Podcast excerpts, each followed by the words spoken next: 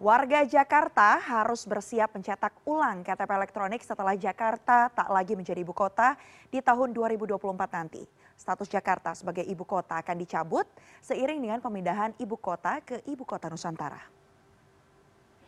Dalam keterangan tertulis kepada cnnindonesia.com, Kepala Disduk Capil Pemerintah Provinsi DKI Jakarta Budi Awaludin menyatakan warga Jakarta harus mencetak ulang kartu tanda penduduk elektronik setelah status Jakarta berubah dari daerah khusus ibu kota DKI Jakarta menjadi daerah khusus Jakarta atau DKJ.